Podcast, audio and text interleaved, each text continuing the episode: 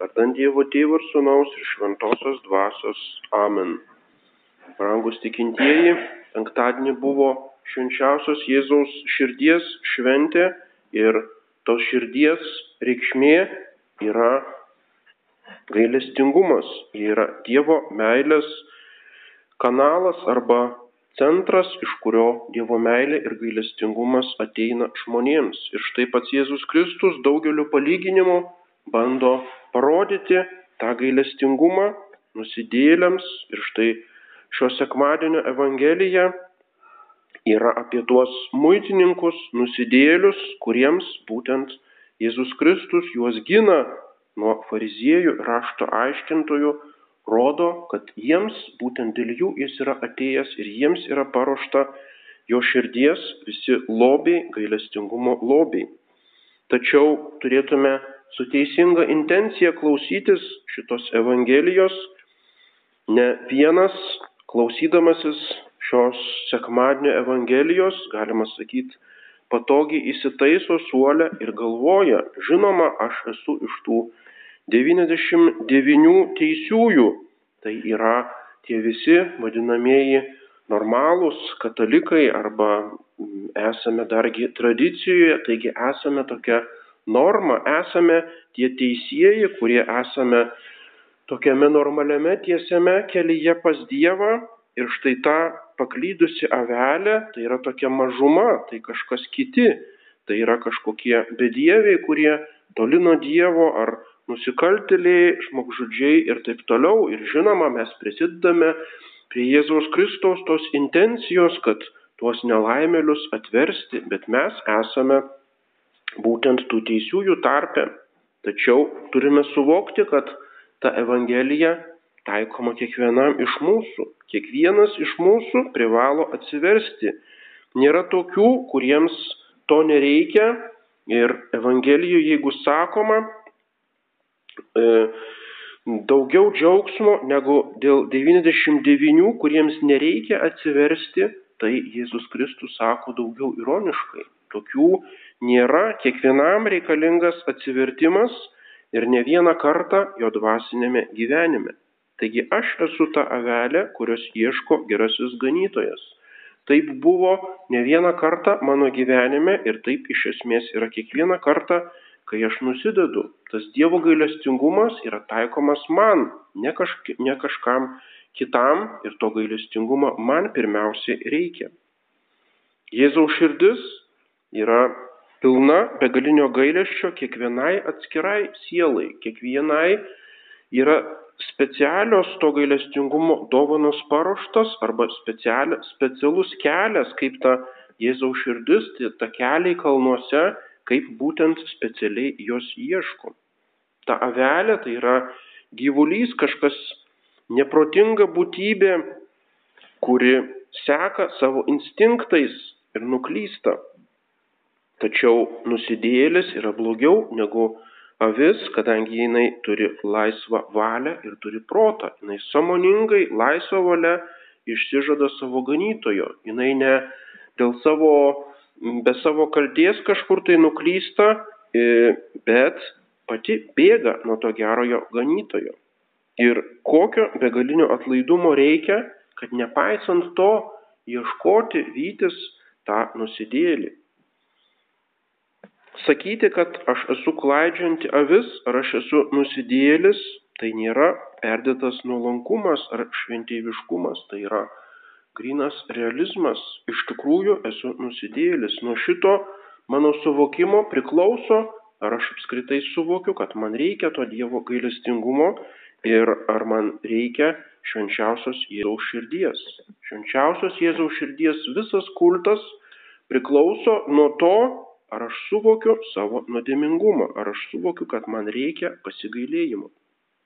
Jeigu šventieji kartodavo ar sakydavo, kad esu nusidėjėlis, tai todėl, kad suvokė savo begalinį skirtumą nuo Dievo, begalinį atstumą, distanciją tarp savo niekingumo ir Dievo šventumo. Ir todėl tai nebuvo kažkoks perdėjimas ar perdėtas nuolankumas, bet tikrovės suvokimas.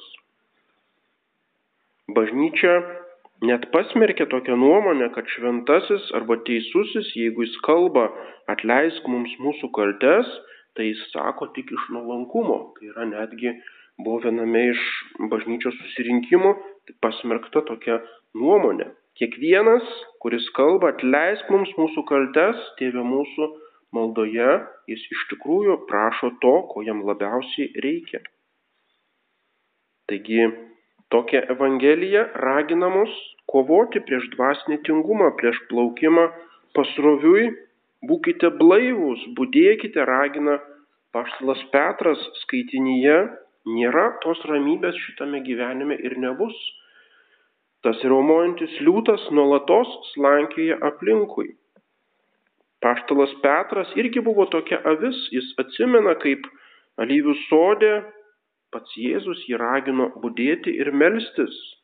Negalit nie valandos pabudėti, negalit paguosti mano širdies, pabūti su manimi tose sunkiausiose valandose. Taigi jisai pats buvo tokia avis, kurios reikėjo Jėzui grįžti nuo savo maldos ir ieškoti jos, kad jinai bent kiek galėtų jungtis su jo, su jo intencijomis, su jo malda.